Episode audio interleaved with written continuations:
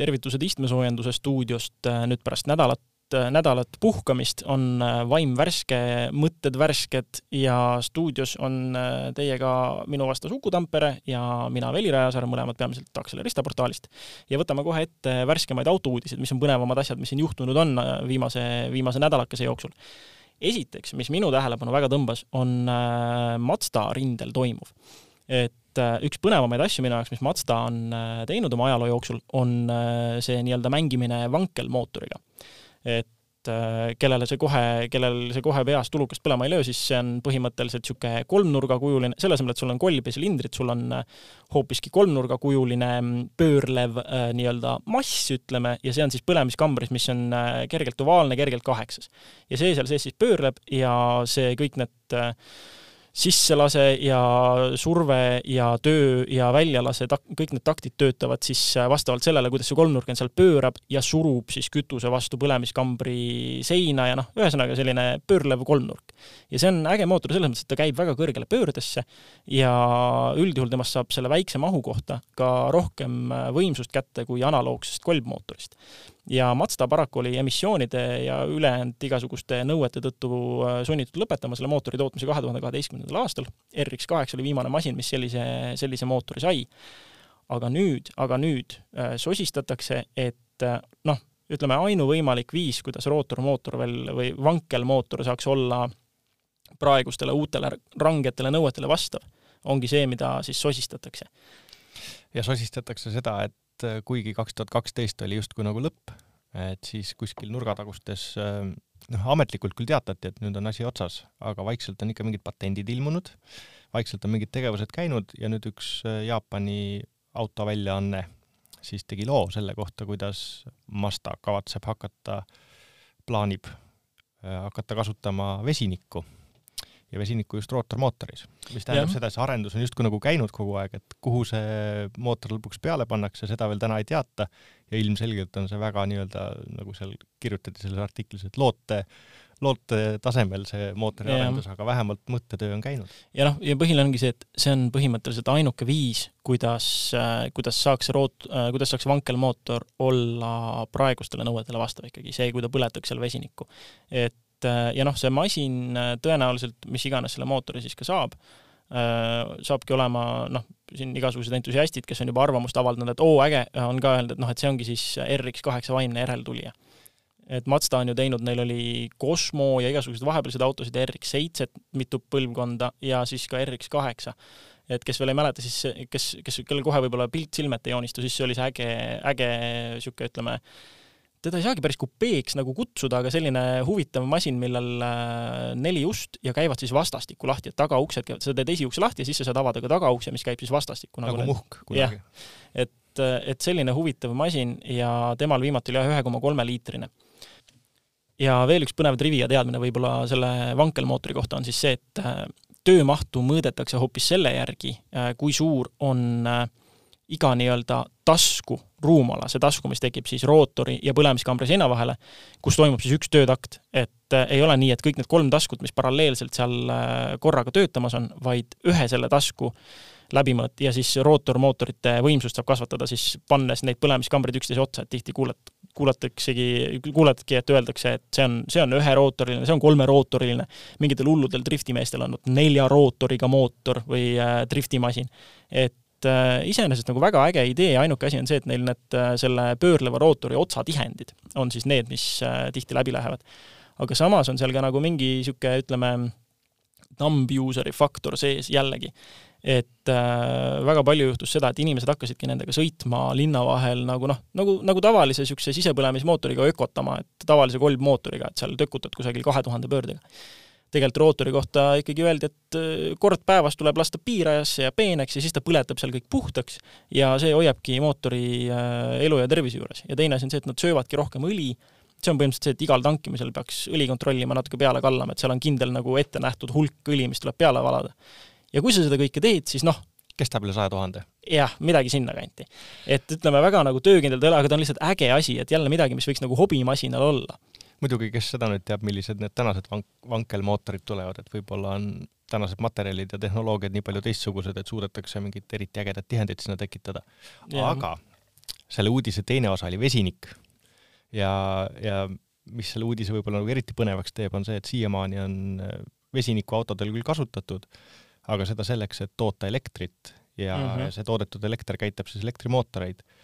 aga Mazda nüüd äh, kavatseb äh, seda vesinikku kasutada põleva kütusena, süüdata seda seal silindris ja see ongi see huvitav asi, et põhimõtteliselt tavalises automootoris, kolbmootoris see võimalik ei ole, sest et vesinik kipub mingisuguse kuuma punkti peale ise süttima valel ajal. noh, teto põhimõtteliselt. põhimõtteliselt teto jah.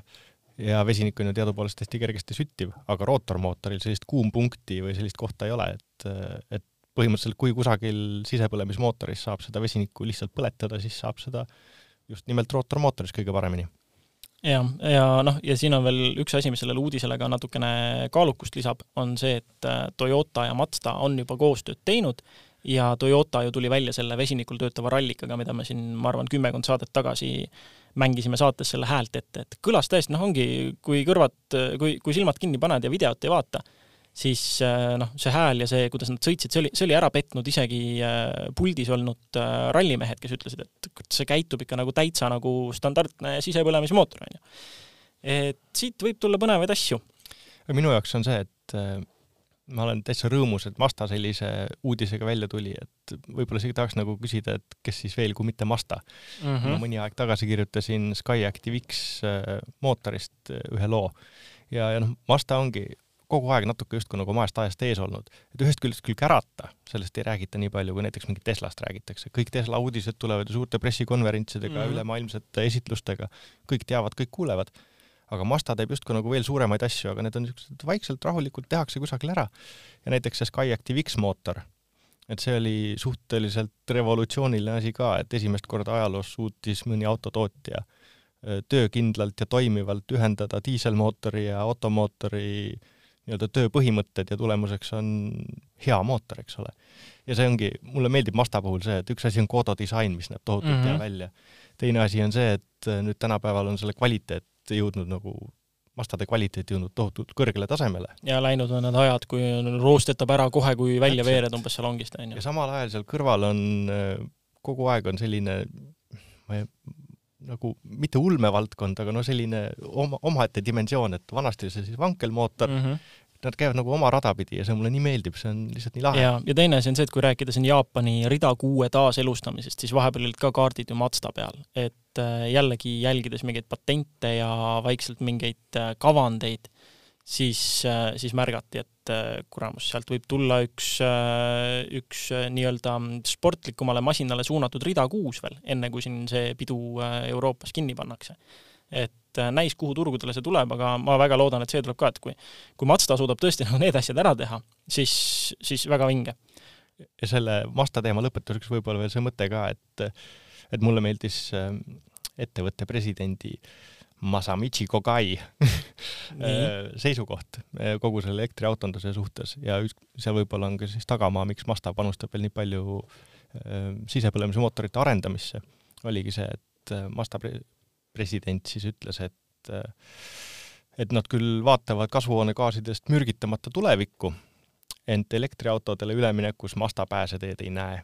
ja siis mm -hmm. isegi ütles, et tõenäoliselt vähemalt aastani kaks tuhat kolmkümmend viis jääb ikkagi lõviosa ehk siis kuskil kaheksakümmend viis protsenti transpordisektoriks liikuma ikkagi sisepõlemismootoriga mm. -hmm aga siis nad panustavadki sellesse, et see sisepõlemismootor kui selline oleks puhas. jah, täpselt, teemad on nii-öelda valmis, on ju, et noh, siin on räägitud küll, et noh, et sisepõlemismootor kui selline, et see on juba pikalt nii-öelda valmis, seal ei ole midagi enam uuendada, teha. no kurat, tegelikult ikka, ikka leiab veel, see efektiivsust saab, saab tõsta seesama vesiniku element sinna tuua juurde, on ju, noh, siis vesiniku element selles mõttes, et vesiniku asi üleüldse, et seal seda põletada, on ju, et äh, igasuguseid viise tegelikult on, nagu sa välja tõid, see Sky Active, on ju. aga noh, elektrist ja ka mainitud Teslast rääkides, siis, siis me ei saa ka nädala uudistes mainimata jätta järjekordselt äh, Teslat ja elektriautosid, et äh, siin sellest Tesla autopiloodist, nende juhiabide kogumist ja sellest full self-driving äh, juhiabide kogumist oleme ka mitmes saates varem rääkinud ja nüüd ikkagi siis äh, Ameerika Ühendriikide see liiklusturvalisuse ja maanteede turvalisusega tegelev organisatsioon NHTSA on alustanud ametlikku juurdlust siis seoses erinevate õnnetustega, mis selle full self-driving ja üldse autopiloodiga on juhtunud.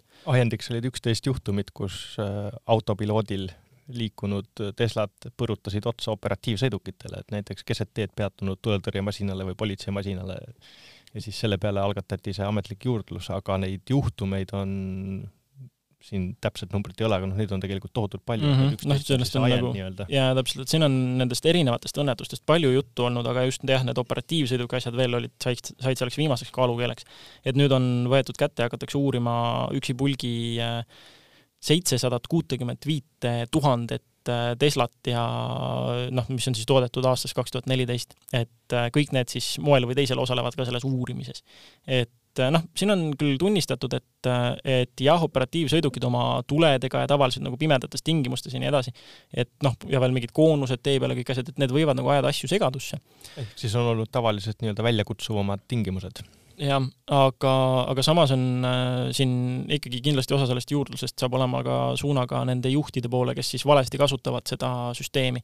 et kuigi on, nii NHTSA ise on öelnud, et äh, maailmas ei ole olemas sõidukit, äh, millele nemad oleksid äh, öelnud, et see on nüüd võimeline ise autonoomselt sõitma. Tesla ise NHTSA-ga suheldes ei ole väitnud, et nende sõidukid suudaksid tegelikult täielikult ise juhtida lihtsalt see on selle juhiabide paketi nimi.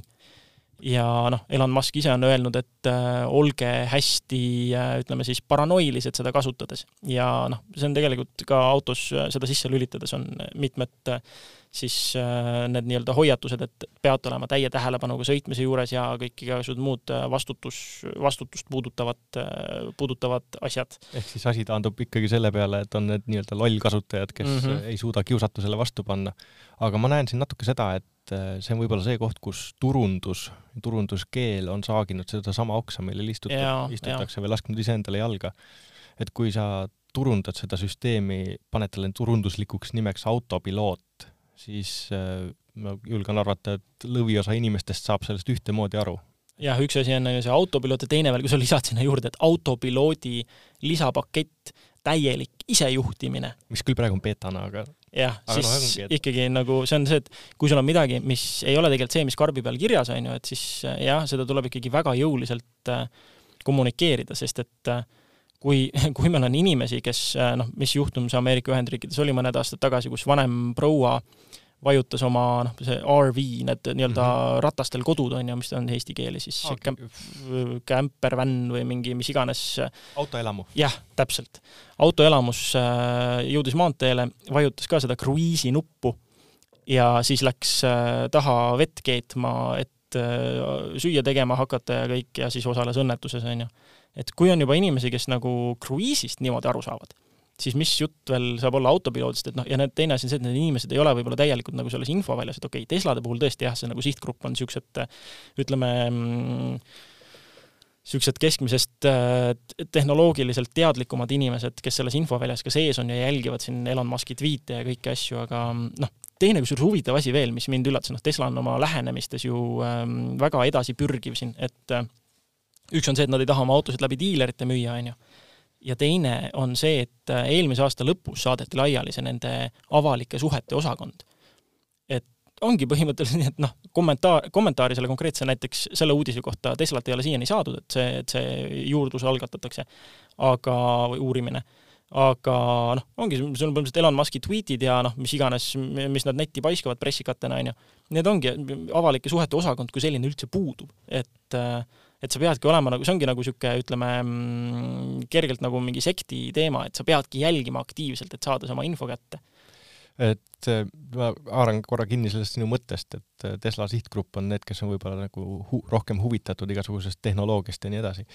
Äh, ma ise mõtlen seda, et nende jaoks võib see olla pigem nagu väljakutse, et kui vaadata ringi autoskeenes kusagil internetis, siis põhimõtteliselt ilma suure pingutuseta leiad kohe videoid sellest, kuidas Teslad ilma juhita sõidavad mm -hmm. või mhm. kuidas mängitakse videomänge või ollakse tagaistmel või magatakse või mida iganes. et, et see on olnud nagu omaette hasart või sport inimestele mm, -hmm. et see mhm. süsteemi nii-öelda turvanupud ära lollitada, et kuidas küll seal pandi veepudeleid või apel, apelsine või mingeid mm -hmm. asju sinna rooli külge, et auto arvaks, et juht hoiab roolist kinni. aga see, kas see mitte pole nagu väljakutse, eks ole, et mm, -hmm. et vahet pole, kui palju hoiatusi ja asju sa sinna külge paned, et peab keegi leiab ikka viisi. jah, keegi leiab ikka viisi ja, ja lõpuks taandubki asi sellele, et sõltuvalt nüüd siis sellest uurimise tulemustest, et kas, kas äkki keelatakse hoopis ära mingid asjad või no võib-olla see jah, kuidas neid nimetada või kuidagi, kuidagi tuleb nagu ümber nimetada, et asi oleks selgem kohe nagu toote tasandil juba, kui sa seda aktiveerid või noh, mis iganes, tõsi, see võib nagu olla lahendus küll. või siis on Elon Musk lihtsalt nii idealistlik inimene, et ta loodab inimeste headusele ja toredusele, aga, aga võta näpust, et paned head sildid külge ja tahad, tahad head, aga inimesed suudavad ikka piisavalt rumalad olla. ja, ja, ja, ja see jah, jah, üheks järelduseks on see, et inimeste lollusel pole piire ja teiseks on vana hea, et äh, nimetame asju õigete nimedega. jätkuvalt sellised korduvad mõtted, mis hakkavad tulema erinevate situatsioonide ja uudiste peale aga kolmas uudis, mida välja tuua, on nüüd, äh, puudutab Bugattit ja Rimachi-t. jällegi mõned saated tagasi äh, siis rääkisime sellest, et on asi ametlik, Bugatti ja Rimac panid leivad ühte kappi hakkavad tehnoloogiat jagama omavahel. ja teine asi on see, et nüüd äh, nende siis emafirma Volkswagen AG omakorda on äärmiselt huvitatud jah, on huvitatud ka sellest, et kui nüüd F1 reeglid muutuvad, uued ajamid tulevad aastal kaks tuhat kakskümmend viis, siis Porsche ja Audi on juba osalenud vestlustes, et, et võib-olla nemad ka kuidagi panustavad või osalevad. et huvi on kõrge ja nüüd siis Rimac on ka ikkagi selles osas nagu ütleme, on huvi kõrge ka selles osas, et Rematch saaks panustada siis oma uue tehnoloogiaga sinna kuidagi. et jällegi, siin on kõik läbirääkimiste tasandil ja kommentaare väga ei, väga ei anta, aga see on midagi, mis võiks siin võib-olla panustada sellesse, mis noh, siin F1 fännid on, no ma ei tea, kas nüüd äkki isegi juba viis aastat kui, no ma olen enam kui kindel, et inimesed leiavad midagi, mille üle vinguda, noh, ka kauem kui viis aastat tagasi F1 osas. aga kõik ikka räägivad muudkui vanadest headest aegadest, V kaheteistkümned, V kümned, kõik, läheme sinna vabalt hingavate aega tagasi, hääled olid võimsad, kõik juhid olid äh, terasest ja mis iganes muudest ägedatest materjalidest ähm,. noh, rääkimata nende munadest siis veel, on ju. et muudkui ikka sõitsid ja olid ja tegid ja nüüd ainult autod sõidavad ja mingisugused suvalised mämmerdised seal saavad sõita ja häid kohti, sellepärast autod on nii head ja häält üldse pole olla, mingid õmblusmasinad ja noh, niisugune kogu aeg on niisugust tunnet nagu kostnud, kui siin on see V kuue hübriidajastu olnud, on ju. samas muidugi pole midagi öelda, et äh, V10 häälel ongi raske vastu panna. jah, seda küll, aga noh, kogu selle muu osaga ei saa jällegi nagu nõus olla, et ma selleks, et F1-s ikkagi tippu jõuda jällegi, on ju, on äh, seal, sinna ei saa igasugune suvaline endel. et paraku, paraku nii on, aga, aga noh, see selleks, et võib-olla see on midagi, mis, ähm, mis siin saaks äh, kuidagi panustada F1 põnevamaks muutumisse jälle, aga jällegi, kuna selle tehnoloogia kohta mingit juttu ei ole olnud, kas noh, meil on äh, Formula E on juba olemas, on ju, mis on täiselektriline, ja kus jälle inimesed undavad, et noh, et mis, mis mingid lollid reeglid, et mingi aku laetuse protsent umbes peab lõpetades olema või umbes ei tohi tühjaks sõita või mingid igasuguseid huvitavaid asju on seal, mis nagu ei, mis nagu võidusõidule kui tegevusele on nagu ütleme, nii-öelda vastuintuitiivsed aga no see selleks, et äh, on lootust, et Rimac ja muuhulgas siis ka Porsche ja Audi toovad mingit uut tehnoloogiat sinna, sinna lauale. mul on täna niisugune krutski küsimuste päev, et äh, mina ei saa jätta küsimata seda, et kui me vaatame täna Rimac Nevera tehnilisi andmeid ja kiirusomadusi, siis on üldse see küsimus, et kui palju seal peaks muutma ja tegema, et, et see oleks F1 kõlbulik masin, sest et nii kiirendused kui kiirusnäitajad on sellel täna üsna võrreldavad F1 autodega jah, et seal ongi, äh, millele asi taandub, on ju lõppkokkuvõttes, on aerodünaamika ikkagi. et äh, juba täna just ma ei jõudnud vaadata, aga jäi ette video, kus insener seletab lahti nüüd mingit uut äh, F1 kumerat või kaariat tiiba, mis on tulemas ja miks see on täiesti geniaalne asi, et noh, jällegi üks asi, mis siin infoväljas ette jäi, kogu aeg mingid uuendused nagu käivad. minu jaoks näiteks ikka veel on suhteliselt uus uuendus see, noh, see turvapuurilaadne kaar või mis iganes ta nimi oli, mis on siis juhi kohal on ja mis kaitseb ka siin sissesõitude ja ülerullumiste eest just. et äh, igasuguseid uuendusi kogu aeg on käimas, aga noh, see ülekannete asi ikkagi on, on nagu suurem tuleviku ulmetehnoloogiate ja erinevate arvamiste pinnalt tuleme nüüd tagasi tänapäeva meie proovisõiduauto juurde, mis oli muidu tavaline Toyota RAV4, aga seekord siis vürtsitatud äh, pistiku hübriidi võimalustega ja, ja nüüd, kui kähku loetleda mõned tähtsamad andmed, siis äh, noh, mis ta meil siin on, kahe koma viie liitrine bensiinimootor, äh, paaritatud siis elektriajamiga, kaheksateist koma üks kilovatti liitiumioon aku, mis on tegelikult täiesti noh, see on ikkagi suhteliselt äh, korralik maht juba. suurem kui teistel plug-inidel. ja, ja lubatakse siin, et et äh, kusagil kahe koma viie tunniga saaks selle täis laadida, kui tahta, noh, oleneb jah muidugi siin vooluvõrgust ja kõigest, aga, aga see on see lubadus ja lubatakse ka, et saab ainult elektri toel akut tühjaks sõites peaks saama seitsekümmend viis kilomeetrit sõiduulatust. ma juba etteruttavalt ütlen, et sina vist isegi said kas äh, rohkem või? ma kasutasin ökonoomse sõiduvõtteid ja sel-, selliselt sõites ma sain elektrikuluks üheksakümmend kaheksa kilomeetrit sõitsin ja selle elektrikulu oli viisteist koma kuus kilovatt-tundi sajale kilomeetrile. nii et sul jäi veel vunk isegi akusse sisse? Äh, jah, aga sel hetkel siis, äh, siis ta läks sellesse nii-öelda hübriidi, hübriidi mm, -hmm. hübriidirežiimi ehk siis ta jättis natukene ka nii-öelda ka hübriidina sõitmise jaoks elektrit alles. aga ühesõnaga, kui ökonoomselt sõita, siis viisteist koma kuus äh, sõitsin ma niimoodi, et ma ei jäänud liiklusele jalgu, lihtsalt mm -hmm. ökonoomitasin. Ja siis teistpidi ma tegin teise proovi, et ma sõitsin äh, Sauelt ringteed pidi Peetrisse ja nii-öelda ühtlases liiklusvoolus või noh, tähendab liiklusvoolu polnud, aga siis ma ise tegin seda liiklusvoolu ehk siis pluss kümme mm. -hmm. ja hoides sada kakskümmend kilomeetrit tunnis äh, nii-öelda spidomeetri peal, sõitsin praktiliselt terve tee, enne nullisin kõik need näitajad ära ja siis ta näitas kuluks kakskümmend neli koma kaheksa, mis tähendab seda, et et see tegelikkus, nagu meil ka proovisõit näitas mm, -hmm. siis elektrikulu tegelik keskmine oli niisugune kakskümmend koma kuus ja see ongi nagu üsna, üsna reaalne, isegi kui vahepeal nagu maanteed sõita ja, ja see on hästi hea tulemus, seda ma tahan nagu kommenteerida, et ja, ja noh, tegelikult on ju, masin on ju raske, on ju. masin on tohutult raske ja see tähendab nagu seda, et need elektrilised sõiduulatused on väga reaalsed, realistlikud numbrid mm. -hmm no üks, üks nendest võib-olla natukene mitte nii realistlikult mõjuvatest äh, numbritest, arvudest on siin äh, lubatud kütusekulu saja kilomeetri kohta, aga see jällegi noh, see sõltub on ju sellest, kui palju sa laed, et öeldakse, et täpselt üks koma null sajale. no siin aga... võiks öelda seda, et elektri- või bensiinikulu on null kuni kuus, sest ja. et äh, meil Ülle sõitis ühtlasi ainult nii-öelda hübriidrežiimis ja pistikust laadimata ja temal tuli selle maanteesõidu nii-öelda Pärnus käigu keskmine kulu tuli kuus liitrit sajale ja see siis kukkus linnas veel sinna viie koma kahe kanti, nii et ja, ja mina oma sõitude juures ka, kusjuures äh, enamuse ajast panin ta sinna sama, samuti nii-öelda surusin ta hübriidrežiimi ja ainult täiselektriga, täi-, täiselektriliselt temaga väga ei sõitnud ja proovisin just seda, kuidas ta siis hübriidina on ja isegi siis, kui sa paned ta sporti ja käid äh, öösel tühjadel käänulistel, siis sellegipoolest mina ei suutnud teda ka üle kuue ajada. et äh, väga, ja noh, ja samas oli see, et hübriidrežiimis ta kogu aeg hoidis seda akut kusagil niisuguse seitsmekümne protsendise laetuse juures, et oli oli jõulisi kiirendusi pedaal põhjas, oli, äh, oli kiiremini, kui optimaalne elektrikulu või elektritarve on sõitmist. ja sellegipoolest see jäi täiesti noh, mina, ma, ma, ma ei mäletagi, mis äh, pärast äh, pikka nädalavahetust, mis, ma ei suutnud isegi alla poole paagi teda sõita. et üldiselt võib öelda, et selle auto puhul on kütuse, äh, kütusekulu on tohutult üllatavalt väike, et mm -hmm. raske auto, pidev nelikvedu ja arvestades seda, et tegelikult sellel pistiku hübriidil on ka jõuvaru enam kui piisav.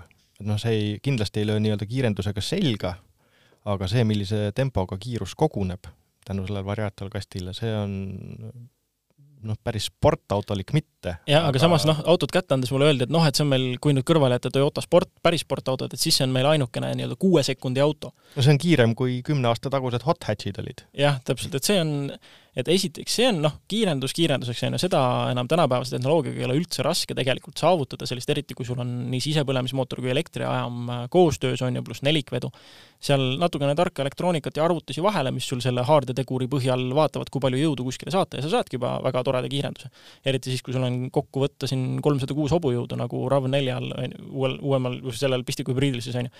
et ähm, see kiirendus isegi ei ole nagu nii, nii nagu üllatav küll aga see põhjendab, miks ma ükskord MR2-ga laisa gaasiga kohalt minnes, miks üks RAV4 mulle suutis ära vajutada, et selleks hetkeks, kui ma sain aru, et oi, me vist sõidame foori alt võidu, oli tema juba niimoodi läinud, et noh, mina, minul oli kaapisid tühja äh,? mitte tühja, kusjuures, vaid see oli see, et esimene käik ja siis sa vajutad gaasi põhja ja siis sa vaatad lihtsalt nagu kuidas piinarikkalt, kuidas need pöörded tõusevad sinnamaani, kuni klapitõste sisse lülitub ja natukene nagu jõudu rohkem taha tuleb. selleks ajaks oli RAV4 juba läinud, et me täiesti nagu ähm, see põhjendab võib-olla, miks, miks toimus selline hale kottimine. aga mm, jah, sorry, sa tahtsid öelda midagi? aga RAV4 puhul on veel siis see, et tõenäoliselt suudaks ta sedasama teha ka siis, kui haagist sappa võtta, sest et äh, praktilise pereautona siis äh, on RAV4-l ka täiesti adekvaatne haagise vedamise võimekus, tuhat viissada kilo võib panna kõige raskema haagise. ja noh, äh, selles mõttes on see siis erakorraline, et kui me vaatame tänast üldist automaailma, siis see kipub sinnapoole, et elektriautodega ei saa üldse kärusid vedada või saab mm -hmm. väga väikseid kärusid vedada ja noh, see käru vedamise võimekus on justkui nagu teisejärguliseks muutunud, aga RAV4 põhimõtteliselt oskab kõike, nelikvedu mm -hmm. ja mis ei ole siis selline nagu vanasti oli, et bensiinimootor sikutas esimesi rattaid ja elektrimootor tagumist mm -hmm. ratast, et ma mäletan siiamaani, kuidas ma Leedus pidin kõrvaltee pealt kiirendama maanteele rekkate rodu vahele ja kuidas siis esimesed rattad abitult tühja kaapisid, samal ajal kui elektrimootor siis natuke tagant lükkas. aga see uus käitub nagu päris nelik. ja mis mind üllatas noh, ma ütlesin, kiirendus ei ole nagu siin eriline isegi üllataja, aga see, et äh, jällegi üha enam ja enam leian ma end sellelt mõttelt, et siin moodsate isegi linnamaasturitega sõites, üks oli noh, viimati, mis üllatas positiivses mõttes, oli nüüd uus Nissan Qashqai, on ju, mille kohta ma ka kirjutasin, et äh, ootamatult tänu jäigale šassiile on ta ootamatult hea ja isegi nauditava juhitavusega. ta on kõik neli nurka ilusti maas, ta ei kaldu eriti jõuliselt, ja kui sa keerad rooli, et äh, kurvi sisse keerata, siis ta reageerib vilkalt nagu palju kergem auto. ja RAV4-ga oli täpselt sama tunne. tahtsin täpselt sama välja tuua. ma ei saa aru, kuidas see noh, see, me võime siin äh, vanade petroseksuaalidena nii-öelda sarjata küll linnamaastureid ja kogu seda hullust, et muudkui kõrgemad, suuremad, raskemad autod, aga kurat, samas nagu osalt tehnoloogia käib sellega ikkagi kaasas ja võimaldab seda mingisugust äh, kui sa lähed õigele teele, siis see, siis see võimaldab sulle seda ka õiget sõidutunnet natuke, nagu sa tahad. et ka RAV4 on selline auto, mille puhul ma ei tunne, et see sportrežiim oleks sinna nagu ilmaasjata külge poogitud. et küll on olnud neid äh, mingisuguseid diiselmootoriga pereautosid a la mis viimati oli mingi Peugeot viis tuhat, see midagi, midagi, see suur äh, seitsmekohaline, on ju, et selle puhul ma küll tundsin, et mida see sportrežiim siin teeb, mitte midagi ei muutunud, see on lihtsalt nagu mingisugune linnukese kirja saamine kuskil, et oh, meil on ka sportrežiim aga ei Qashqai ega nüüd siis RAV4 puhul seda, seda tunnet ei ole, tegelikult see on omal kohal. ja kurvi sisse keeramine on mõnus, ta püsib maas ilusti, ta ei libise, sa ei ja kerega külg, ei kaldu. jah, täpselt, kuna külgkaldumine puudub, sa ei tunne, et ta nii raske oleks, ja inertsi sa muidugi nagu kurvis pidamise piiril olles juba tunned, et see tirib sind ikkagi väljapoole. selles mõttes nagu noh, massi sa võid varjata siin inseneritehnoloogiaga, inertsi sa nagu ei, ei varja, on ju. Aga, aga kuidas, kuidas nagu nii raske masin saab ikkagi pakkuda kurvilisel teel sellist äh, täiesti nauditavat elamust, see noh, ongi natukene nagu müstika, et kas on ainult jäik šassii, kas, mida tarka see vedrustus teeb, et ta seda niimoodi nagu varjab, et midagi, midagi seal ikkagi on. aga samas on see, et kui sa ütlesid, Qashqai oli jäik, siis äh, RAV4 ei ole jäik. jah, Qashqai'l oli vot see, minu jaoks see puudujääk oli see, et ta, ta, ta mugavus kannatas, et jah, jah, täpselt. nii jäik, et mugavust ei ole, aga RAV4 Äh, kuigi see plug-in oli nüüd jäigem kui äh, nii-öelda tavaline hübriid mm -hmm. enne oli, aga ta siiski ei ole jäik. Äh, õõtsub maanteel mm, -hmm. üle lamavate politseinike läheb hästi pehmelt ja mõnusalt või siis täpsemalt üle teekünniste, mitte lamavate politseinike üle teekünniste läheb mõnusalt ja üldiselt mina olen selles mõttes väga üllatunud, et kui kunagi võis ette heita näiteks natukene liiga suurt lärmi mm, sõidumüra siis mm. -hmm. nüüd praegu on põhimõtteliselt kuulda ainult seda mm, rehvimüra natukene mm, -hmm. aga see on oluliselt vaiksem, kui ta oli enne ja minu jaoks väga suure olulise plussina, et kui see tavaline hübriid käitus selliselt, et ta oli eelkõige sisepõlemismootor, mis on CVT kasti otsas, ehk siis kui sa vajutasid gaasi põhja, hüppasid mootoripöörded sinna tipu poole mm -hmm. ja hakkas siis kummipaelaga venitama hirmsa karjumise saatel, siis äh, plug-in RAV4 on eelkõige ikkagi elektriauto ja käitub elektriautona. Ja sisepõlemismootor toetab seda, mis tähendab seda, et kui ma vajutan gaasi põhja, siis mootor töötab konstantsetel pööretel kusagil seal madalamas otsas, üsna vaikselt, ja ta käitub, kiirendab ja sõidab nagu elektriauto. Ja see on mina ütleks. jah, see on, see on, ütleme, tõestus väga hästi kokku pandud ja. hübriidajamist ikkagi. et Täpselt. ei ole mingisugust hüpitamist, segamist, karjumist, midagi selliseid äh, odavama otsa hübriidauto äh, tunnuseid, vaid äh, täiesti okei okay sõiduelamus ja annab sulle seda, mis sa tahad, et ainuke küsimus ongi see, et nüüd kui me räägime hinnast, ta ju jookseb milleni välja, viiskümmend, isegi viiskümmend kaks või? odav, odavam variant on natukene alla viiekümne, kusagil neljakümne kaheksa tuhandega, hinnakirja hinnast siis räägime mm. -hmm. ja see premium, mis meil proovisõiduautoks ka oli, sellel on siis viiekümne kahe tuhandega algav hinnalipik. jah, et siis, siis minu jaoks ainuke küsimus, mis tekib, ongi see, et kas see hinnalipik, noh, kas ta õigustab ennast? aga samas on ju see, et mida on ka teistel vastu panna et mina ütleks, et süü ei ole siin kindlasti Toyotal, et meil asjad liiguvad praegu üldiselt sinna suunas, et autod on kallid ja eriti just plug-in hübriidid. et et vahet pole, kes on tootja või kuidas see asi läheb, et siis plug-in hübriidid on isegi kallimad kui elektriautod kohati. ja, ja samas on see, et noh, see nende hinna ongi sa, mida rohkem sa laed, seda rohkem sa justkui nagu tagasi teenid seda raha, mis sa rohkem sinna sisse maksid, on ju. just, ja võrreldes elektriautoga on tal kasutusvõimalusi selles mõttes ikkagi nagu rohkem, ma mõtlen praktilisi kasutusvõimalusi, kas või seesama haagise vedamine mm -hmm. ja ja, ja samas seda sõiduulatuse hirmu on nagu vähem, on ju. täpselt. aga noh, siin mina võtaks selle plugin hübriidinduse kokku selliselt, et nagu see kuulus reklaam räägib, et seda kassid ostaksid, aga millised kassid seda endale lubada saavad, see on nagu natukene teine küsimus, aga see ei vähenda nüüd kindlasti seda auto väärtust, et mina ütleks, et et see RAV4 plug-in hübriid üllatas mind äh, nagu väga-väga palju. ja, ja, ja noh, ma pean seda ütlema vahele, et kui ma mõtlen siin selle eelmise RAV4 hübriidile ja, ja just siin näiteks sellele üle-eelmise aasta Eesti aasta auto valimisele, kus see kogu sellest viimasest lõppkuuikust vist oligi RAV4, mina panin ta omal viimasele kohale, sest et ta oligi sealt kõige nagu mitte midagi ütlevam. ja tal olid mingisugused puudujäägid ikka, ta oli see, ta nagu hüpitas kuidagi rohkem, tal oli see sõidumüra, mis sa välja tõid, on ju. ta ei olnud nagu midagi, millega nii positiivselt oleks silma jäänud. ma ootasin palju vähemalt praegu sellest proovisõidust.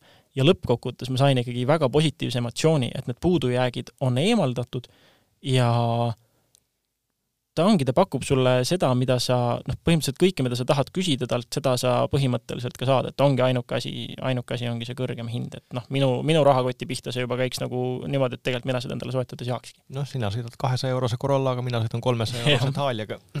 aga ütleme siis niimoodi, et, et kui on vaja praktilist ja põhimõtteliselt kõike oskavat igapäevasõidukit ja su rahakott seda võimaldab, siis mina, mina ei näe, et oleks nagu väga palju küsimusi, et kas osta või mitte, mm -hmm. tuleb.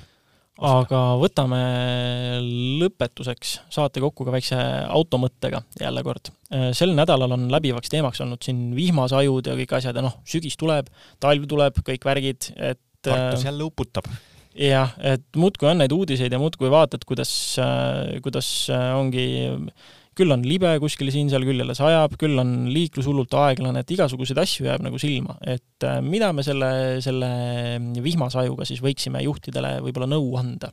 ilusa suvega tundub, et on ära unustatud äh, tulede kasutamise oskus, et nüüd, kui on laussadu ja tee peal palju sõidust lenduvat vett, siis on päris oluline ka päevasel ajal jälgida, et äh, autol ikkagi tagumised tuled ka põleksid. et Äh, kõikidel ei toimi see automaatne tulede lülitus nii hästi, äh, et see nüüd päevase hämara puhul ka tagumised tuled ise sisse lülitaks. ja ma alles hiljuti käisin vihmasajus Tartus ja sealt tagasi sõites äh, tabas mind see üllatus, et mina sõitsin kenasti oma üheksakümnega ja, ja siis järsku eesolevast vihmapilvest või veepilvest ilmus nii-öelda pimeda taguotsaga kuuekümnega sõitev auto. et ilmselgelt olid päevasõidutuled peal mm -hmm. ja mhm. seda näeb ikka üsna viimasel hetkel, et noh, midagi kriitilist ei ole, sest ma nagu oskasin vaadata, aga ütleme niimoodi, et kui keegi näpib telefoni või on väsinud või mida iganes, siis on väga reaalne sellisele tagant pimedale autole, mida viimasel hetkel märkad, tagant otsa sõita nojah, mul on ka teada siin omal lähikonnast selline juhtum mõne aasta tagune, kus oligi pime ja värgid ja oligi traagiline õnnetus, aga noh, see selleks. et see on jah, see tulede lüliti asukoht, see, selle võiks iga juht endale selgeks teha, et alati noh, minul on ka see, et kuna ma lihtsalt konkreetselt ma ei usalda neid automaattulede süsteeme nii väga, just täpselt ka selle meie ilmastikuolude pärast, kus ongi sul andurid tuiskavad või äh, tolmuvad täis ja sellest juba piisab, et see asi segadusse läheks siis ongi, ma peaaegu iga kord lülitan äh, käsitsi tuled, päevased tulede peale ma tean, et mul põlevad ka tagumised tuled, äh, mitte ainult siis, kui ma pidurdan, vaid nagu kogu aeg, noh, hästi levinud ongi see, ongi see, nagu sa ütlesid, pime taguots, et, et siis, kui nad pidurdavad, siis sa näed ja muul ajal on täiesti nagu tühjus, pimedus. Ja teine asi, mis suurte vihmasadudega seondub, mm, on seesama, nagu see uudis ütles just hiljuti, et äh, Tartus jälle uputab, et kui on suured lombid või tee täielikult üle ujutatud, siis äh, mida, mida me oleme sotsiaalmeedia videotest näinud, et seda filmitakse palju, täna saab hästi kiiresti ju kõigest teada. aga üks ühine nimetaja on see, et äh, tee on üle uput-, üle ujutatud ja kõik sõidavad sealt läbi nagu tavaliselt. noh, oluliselt kiirust vähendamata, vesi lendab mm -hmm. kahte lehte ja ühtlasi seisavad seal üle ujutatud teelõikude kõrval ära uppunud sõidukid, eks ole ja see võib-olla ongi üks koht, kus meelde tuletada, et kui tee peal on palju vett, siis isegi kui sul on linnamaastur, mis on kõrgema clearance'iga ja tundub nagu hästi kõrge, siis äh, see ei taga talle kindlasti mitte veel ujumisvõimet nii-öelda. jah, äh, iga juht peaks teadma, kus on tema auto õhuvõtt, jah, kui kõrgel see on, et äh, mul näiteks, kuigi mul on noh, kas või MR2-l on õhuvõtt ikkagi suhteliselt kõrge koha peal siis üleüldiselt mul on hirm nagu nendest lompidest läbi sõita, sest see on tegelikult nii madal auto. mul on äh, ka mingisuguse suurema vihma ajal käisin korra mingisugusel pakil järel magistraali keskuses ja seal äh, see ristmik, mis on siis, kui sa nüüd lähed TTÜ poole, see on madalam koht, kuhu koguneb vesi. ja sealt oli juba selles mõttes hirm läbi sõita, et äh, noh, kuna mul ei ole ka siin nii-öelda because race car, ei ole logareid ei ees, taga, küljes, ma mõtlesin, ma kuulen ikka väga hästi, kuidas see vesi igale poole seal nagu läbi läheb ja tunned põhja alt, kuidas mingid veepritsmed vastu käivad. et see ongi hirmus läbi sõita, ükskõik, et ma tean, et õhuvõtuna see ei ulatu, aga võib-olla mingi teine komponent, mis selle käigus nagu viga saab, et tundub, et inimesed nagu palju ei, väga, väga ei kipu sellele mõtlema. ja see ongi, et no üks asi on siis see, et et äh, kui vesi väga sügav on, siis ta võib sisse autosse tulla ja näiteks kas või istmete all on uutel autodel päris palju igasugust elektroonikat ja kui see vett saab, siis ei ole ilmselt vaja palju seletada, mis juhtuda võib. aga eelkõige kõige kallim remont on ikkagi see, kui mootori õhuvõtt peaks vett sisse imema endasse.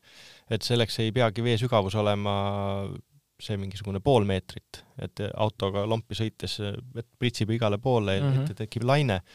et äh, üldiselt mul on nagu kui ma olen arutanud seda teemat inimestega, siis on öeldud, et tegelikult juba kakskümmend, kakskümmend viis sentimeetrit vett võib olla tavalisele sõiduautole nagu ohtlik, kui sinna liiga kiiresti sisse sõita. ja lahendus lihtsalt ongi see, et kui on tee peal hästi palju vett, siis kiirus täiesti maha, praktiliselt roomamiskiiruses, et läbi sõita, kui on vaja sõita, kui ei õnnestu vältida. ja võib-olla siin selle, mis sa mainisid, õhuvõtu kõrguse teemal, et et kui me nüüd võtame nii-öelda tehase varustuses päris maasturid, me mm -hmm. ei räägi siin nüüd ümberehitatutest, millel on snorklik katusel, noh nendega loomulikult võib teha oluliselt rohkem asju. aga väga hea näide, et mul oli Volkswagen Touareg ja sellel oli õhuvõtt küll niimoodi üsna kõrges kohas, aga see oli eesiluvõre taga ja maapinnast kaheksakümne sentimeetri kõrgusel. mis tähendab seda, et et noh, teoreetiliselt võiks sellega justkui kaheksakümne sentimeetrises vees sõita, ilma et nagu mootorisse vett satuks aga kuidas seda praktikas saavutada, sest auto nina lükkab ette ja, sellise täpselt. laine, mis tuleb üle kapoti ja kui vesi tuleb üle kapoti, siis satub ta sealt juba ka õhuvõttu. ja põhimõtteliselt on asi lihtne, et kui vesi läheb auto mootori õhuvõttu, siis on väga kallis mootori remont. jah, täpselt, et noh, paraku meie sisepõlemismootorid seda veel ei oska, et nad enda töötamiseks vajalikku hapnikku suudaksid veest eraldada. et selles osas tuleb vaadata tulevikutehnoloogia peale ja aga, aga jah, et ärme, ärme äkki Mazda teeb ära lõpused, lõpused autole. jah, et ärme siin äh, liiga, liiga uljalt lompidesse lenda ja vaatame, et tuled põleksid. aitäh ja järgmise kuulamiseni!